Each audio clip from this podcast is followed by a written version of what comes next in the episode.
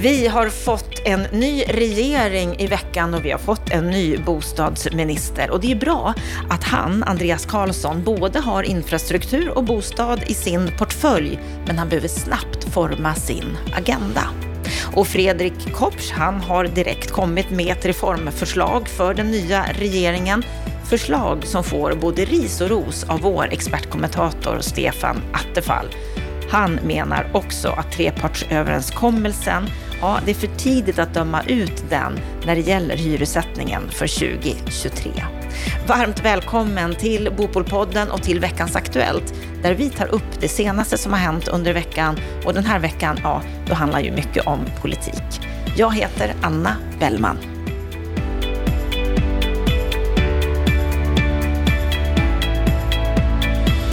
Vi börjar veckans Aktuellt med det stora som har hänt i veckan, nämligen regeringsbildningen, där Andreas Karlsson, en 35-årig man, ursprungligen ifrån Mullsjö, som numera bor i Stockholm, blir ny infrastruktur och bostadsminister. Och då blir jag ju nyfiken, Stefan Attefall, på Andreas Karlsson, för du känner ju honom väl. Hur är han egentligen?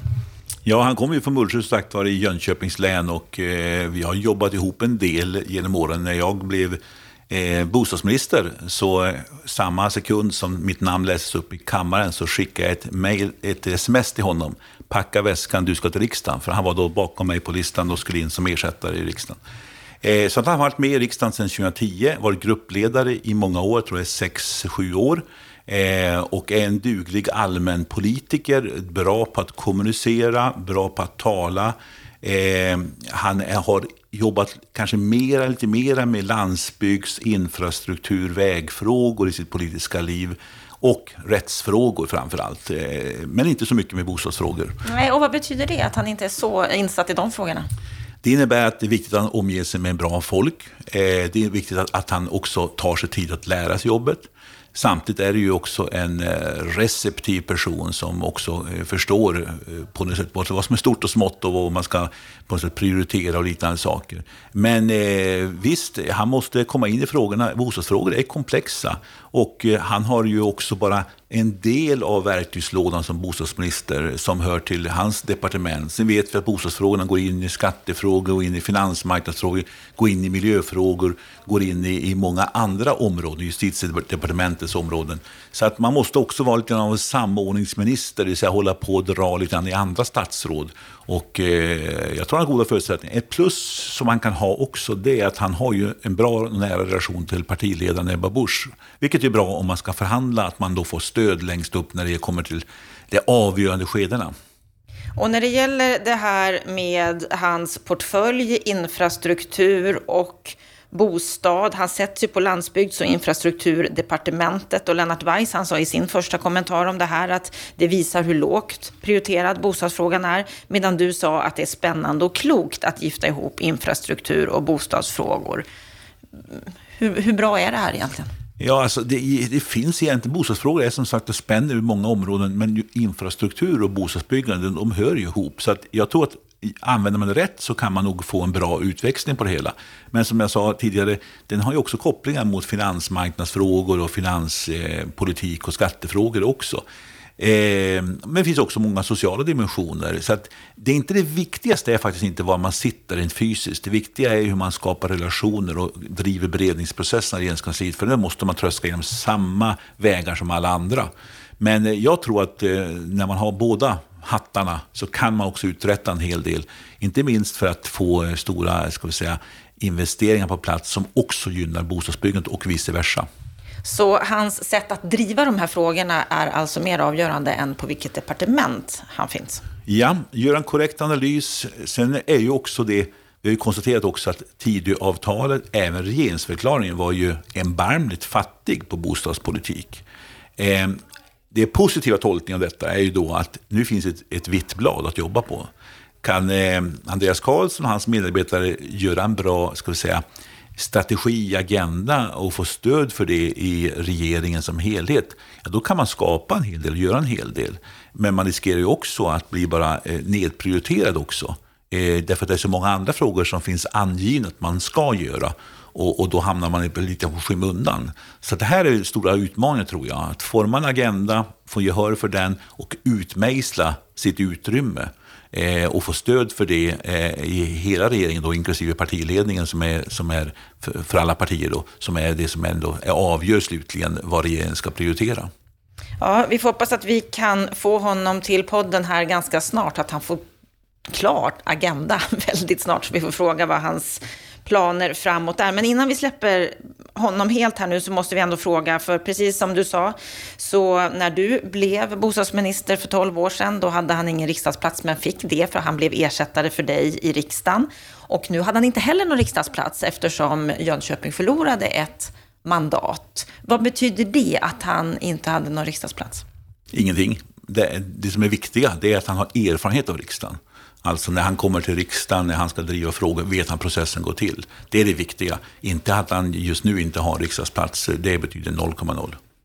Och om vi ska gå vidare med saker som har sagts och skrivits i media under veckan så har ju mycket med regeringsbildningen att göra. Och vi kommer ju att få se många förslag från många personer om vad regeringen bör göra framåt. Och en som har varit snabb på bollen, det är Fredrik Kopsch som är docent i fastighetsekonomi vid Lunds universitet och fellow vid Timbro. Han skrev i Svenska Dagbladet i veckan att reformer krävs för att fixa bostadsmarknaden. Att Sverige inte har råd med fyra år till där bostadsmarknaden förbises. Och det är tre reformer som han tycker att man genast bör sätta igång med att förverkliga. Och det är att stärka äganderätten till mark, att avskaffa hyresregleringen och att införa en social bostadspolitik. Vad säger du om Fredrik Kopps förslag här? Ja, nu kommer ju eh, Andreas Karlsson och nya regeringen översköljas med alla goda råd eh, från alla möjliga håll och kanter. Fredrik Kopsch är ju på några eh, viktiga centrala frågor. Alltså det här med markbered, planberedskapen av mark är ju oerhört central. Där sitter kommunerna på stor del av bollen. Och där har han ju rätt. Och där tror jag man kan göra stimulanser för att få kommunerna att prioritera planarbetet. Särskilt om det blir en lågkonjunktur nu, vilket alla tror på. Att man plockar fram mycket planer. Men däremot att ge, ge sig på liksom själva eh, ansvaret för, för marken och planmonopolet, ja, det är åratal av utredningsarbete. Så vill man verkligen eh, eh göra, göra ett långskott så ska man ge sig på den frågan. Men kommunerna har mycket av den rollen, så man kan göra saker mycket inom befintliga lag, eh, regelverk. Eh, han driver ju som vanligt, det är ju alltid Fredrik Kopsch, avskaffa hyresregleringen. Det var ju ett förslag om fria nyproduktionshyror. Det finns ju ett färdigt utredningsförslag. Där skulle regeringen kunna vilja, men det vet vi att de är alltså, både Liberalerna och Kristdemokraterna och Moderaterna är positiva till just nyproduktionshyror, att släppa dem friare. Medan däremot Sverigedemokraterna är emot det. Så att där är regeringen blockerade så länge Sverigedemokraterna säger nej. Eh, däremot att ge sig på att, eh, som han föreslår, att alla nya kontrakt skulle vet du nu, eh, kunna sättas marknadshyror på. Eh, och han talar om att det finns ett 20 miljarder ungefär för lite betala hyresgäster. Ja, vad han egentligen säger det är att vi ska kraftigt höja hyrorna för många människor som flyttar i Stockholm. Ja, tillgången till nya lägenheter, lediga lägenheter ökar, men till priset av ganska stora sociala effekter. Så att jag tror att ska man skapa konflikter så ska man ju följa eh, Kopps råd på den punkten. Däremot behöver ju hyresförhandlingssystemet utvecklas och det kan vi komma tillbaka till senare vet jag. Eh, den tredje punkten är ju det här med att social housing. Och han tycker då att kommunala bostadsbolagen ska bli mer av social housing, alltså prioritera de som har sämst ekonomi. Och då skapar vi, tror jag, ännu mer av, ska vi säga, eh, segregering och stigmatisering. Det blir vissa områden, vissa hus, vissa fastighetsägare som blir de som tar hand om alla svaga. Jag tror att vi måste hitta andra metoder. Vi måste ha eh, kanske mer av vad, kan, vad jag kallar social apartments, det vill säga lägenheter som insprängda i det vanliga beståndet på olika sätt, både hos privata och kommunala, som kommunen Eh, betalar för, för människor som verkligen har riktigt utsatta situationer.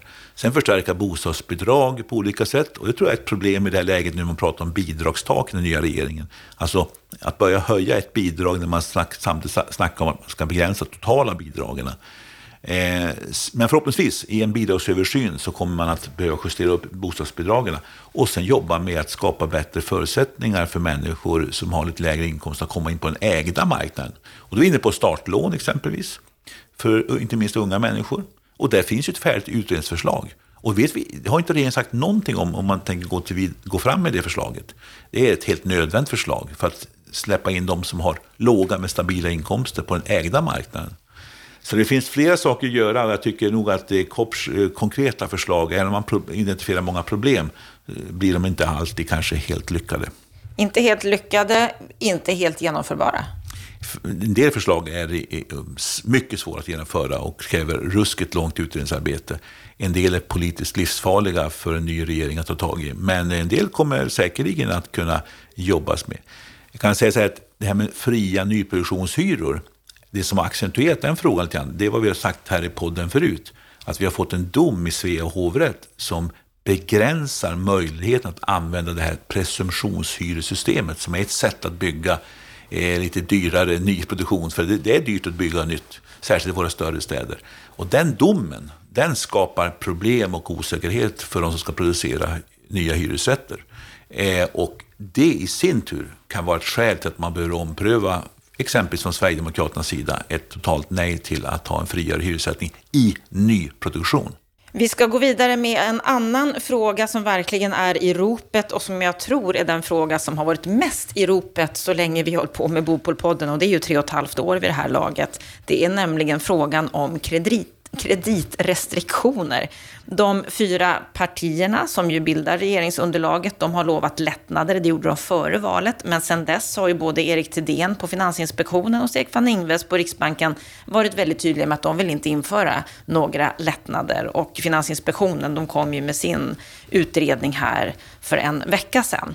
De menar att det hade eldat på inflationen att avskaffa det sista amorteringskravet i ett läge då man istället vill strama åt. Och den nya finansministern Elisabeth Svantesson, hon sa till DI att det har hänt en del sedan dess, de här sista veckorna. Vi kommer att samtala med myndigheterna och se hur vi ska gå vidare med den här frågan.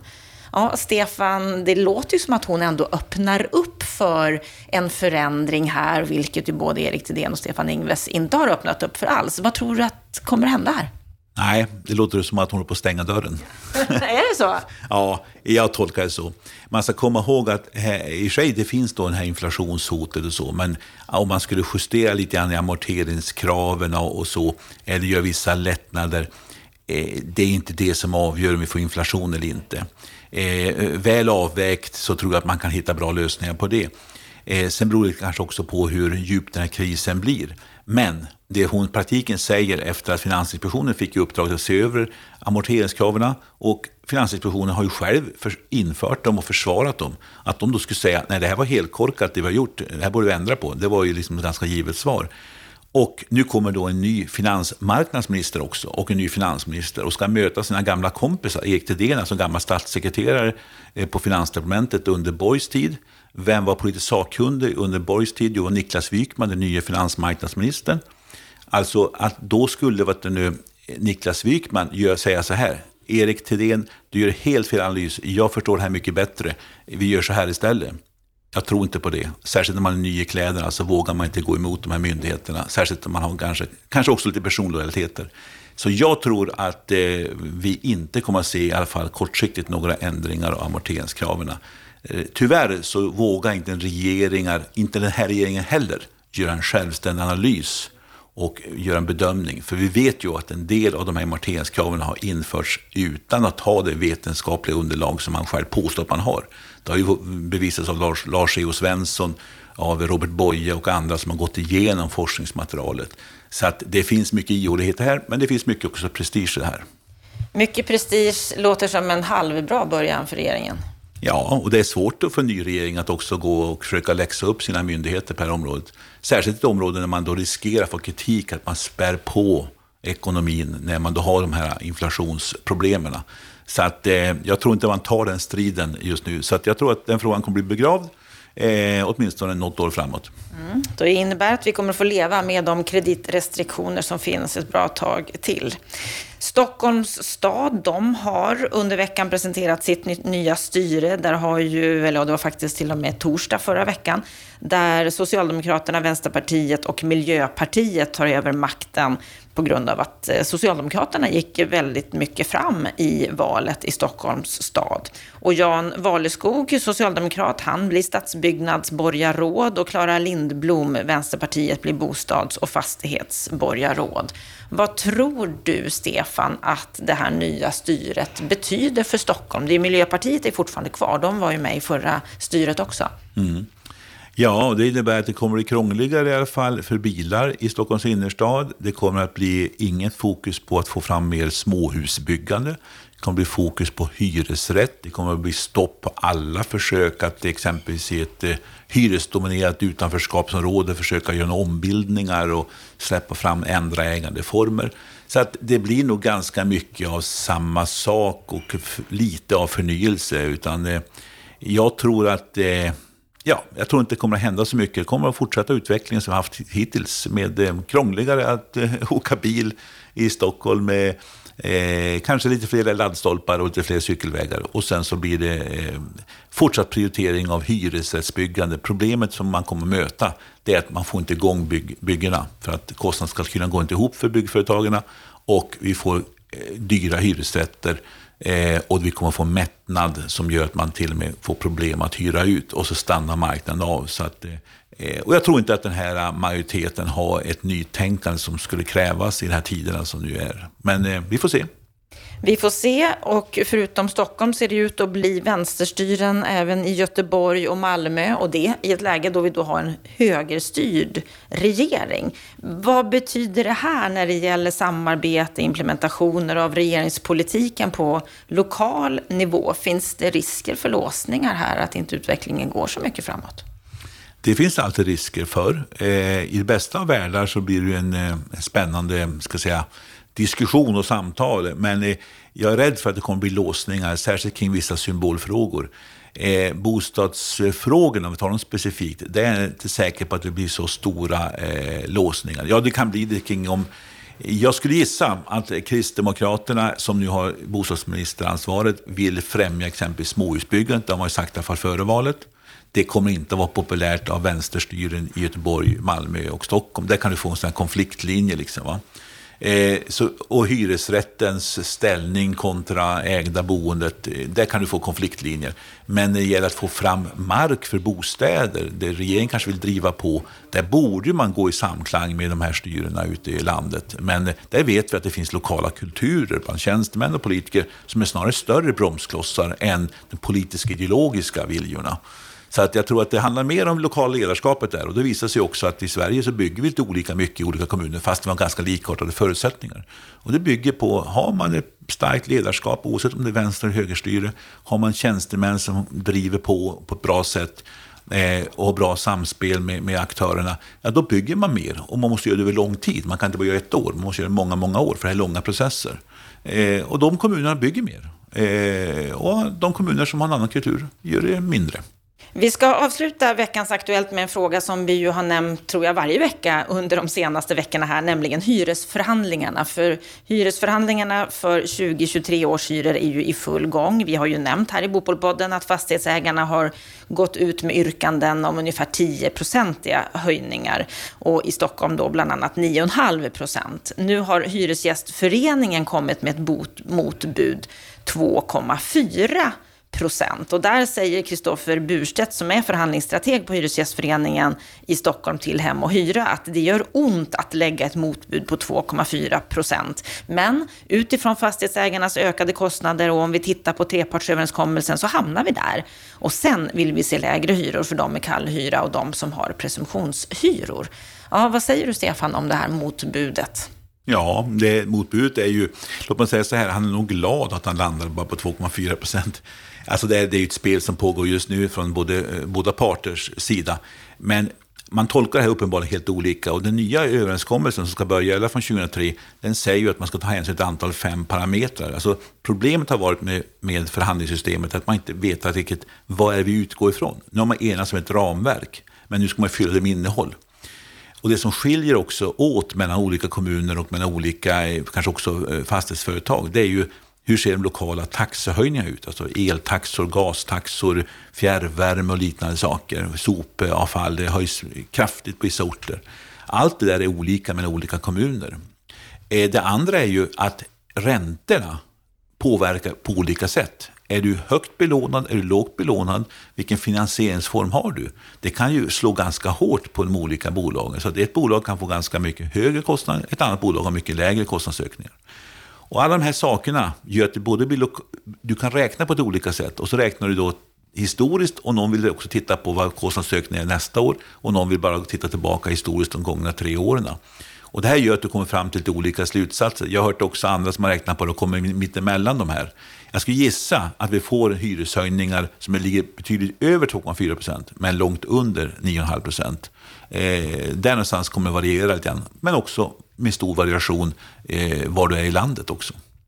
Och den här trepartsöverenskommelsen mellan Hyresgästföreningen, Fastighetsägarna och Sveriges allmännytta, den ingicks ju för att man ville skapa såväl stabilitet som förutsägbarhet. Hur kan man tolka det så olika och komma fram till så olika bud? Mm. Nej, men det är som sagt det är första gången det prövas också. Men man ska komma ihåg att den här trepartsöverenskommelsen är ju också skriven som ett minst, alltså det är minst tre år det gäller också. Så att man kan inte hoppa av överenskommelsen bara eh, på en gång. Då, då, eh, det är liksom det, ja, det är inte juridiskt kontrakt i den meningen, men det är ju en överenskommelse som inte går att hoppa av bara eh, första året. Kom också ihåg att det finns mekanismer. Exempelvis så har ju allmännyttan en hyresmarknadskommitté och ytterst går man till en oberoende ordförande som är Claes Stråth. Och då ska han ju tolka det här ramverket. Och, och han kommer ju i praktiken sätta ett riktmärke. Så att jag tror att vi kommer att få se ett antal förhandlingar gå ända dit upp. Och då får vi någon slags riktmärke, åtminstone som präglar allmännyttan och eh, Hyresgästföreningens avtal. Eh, så det är spännande att se, men jag tror också att det här ramverket som man kommer överens om nu, den kommer ju att prövas, självklart, men den kommer också att växas in i successivt. Och får man då från exempelvis privata och fastighetsägare inte tillräckligt hög eh, utväxling i år för att klara ekonomin på ett bra sätt, ja då kommer det också att komma tillbaka nästa år i en större höjning. Så att vi ska ju se det kanske över en treårscykel innan vi drar definitiva slutsatser. Men eh, det är kännbart för de hushåll som drabbas av hyreshöjningar. Men det gäller ju också villaägare och andra. Och det är smärtsamt för både fastighetsägare och Hyresgästföreningen att eh, vara med om den här processen. Så att det är ingen, ingen lätt resa, men eh, det är många som kommer att drabbas hårt under 2023 i Sverige. Många kommer att drabbas hårt och vi kanske inte heller ska dra slutsatsen att trepartsöverenskommelsen inte fungerar med tanke på de totalt olika buden här? Nej, vi får nog avvakta eh, två, tre år innan vi kan dra de slutsatserna. Eh, men jag tror att det blir spännande att se vad det här riktmärket blir när, när det går upp till skiljedom liksom i, i den här hyresmarknadskommittén. Det är mycket som händer, det är mycket spännande och det är också mycket som är svårt att förutse. Men om man ska utveckla våra städer, våra, vårt samhälle, då behöver man ha förmågan att kunna se in i framtiden och vad som händer. Och en ny bok har kommit ut som hanterar just våra tre kriser, nämligen klimatkrisen, kriget och coronapandemin. Hur påverkar det vårt sätt att bland annat se på stadsutveckling.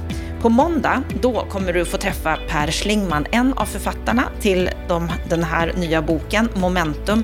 Och han menar att en stad, det är inte en singular stad, utan en stad kommer framöver bestå av flera olika kvarter. Man brukar ofta prata om Skellefteå som en plats som ska växa, men en annan plats som ju är minst lika spännande är ju Nacka kommun, eh, som ju är en eh, kommun i närheten av Stockholm, men man ska bygga ut en tunnelbana dit. Och i löftet för att få tunnelbanan så har man lovat en massa nya bostäder. Och då tänker man så här att vi ska skapa Nacka stad. Jag tror att det som kommer hända är att man skapar ett par kvartersbildningar. Därför att det är den nya staden. Det är ett par kvarter. Det är inte ett centrum och sen en periferi. Utan vi bygger kvarter. Eh, och bygger man kvarter rätt från början som innehåller allt det vi människor vill ha, eh, då tror jag man kommer bli väldigt framgångsrik. Där hörde du Per Schlingman, ett otroligt intressant samtal. Missa inte vårt program på måndag, för då får du höra hela. Fram tills dess så önskar vi på Bopolpodden dig en riktigt trevlig helg.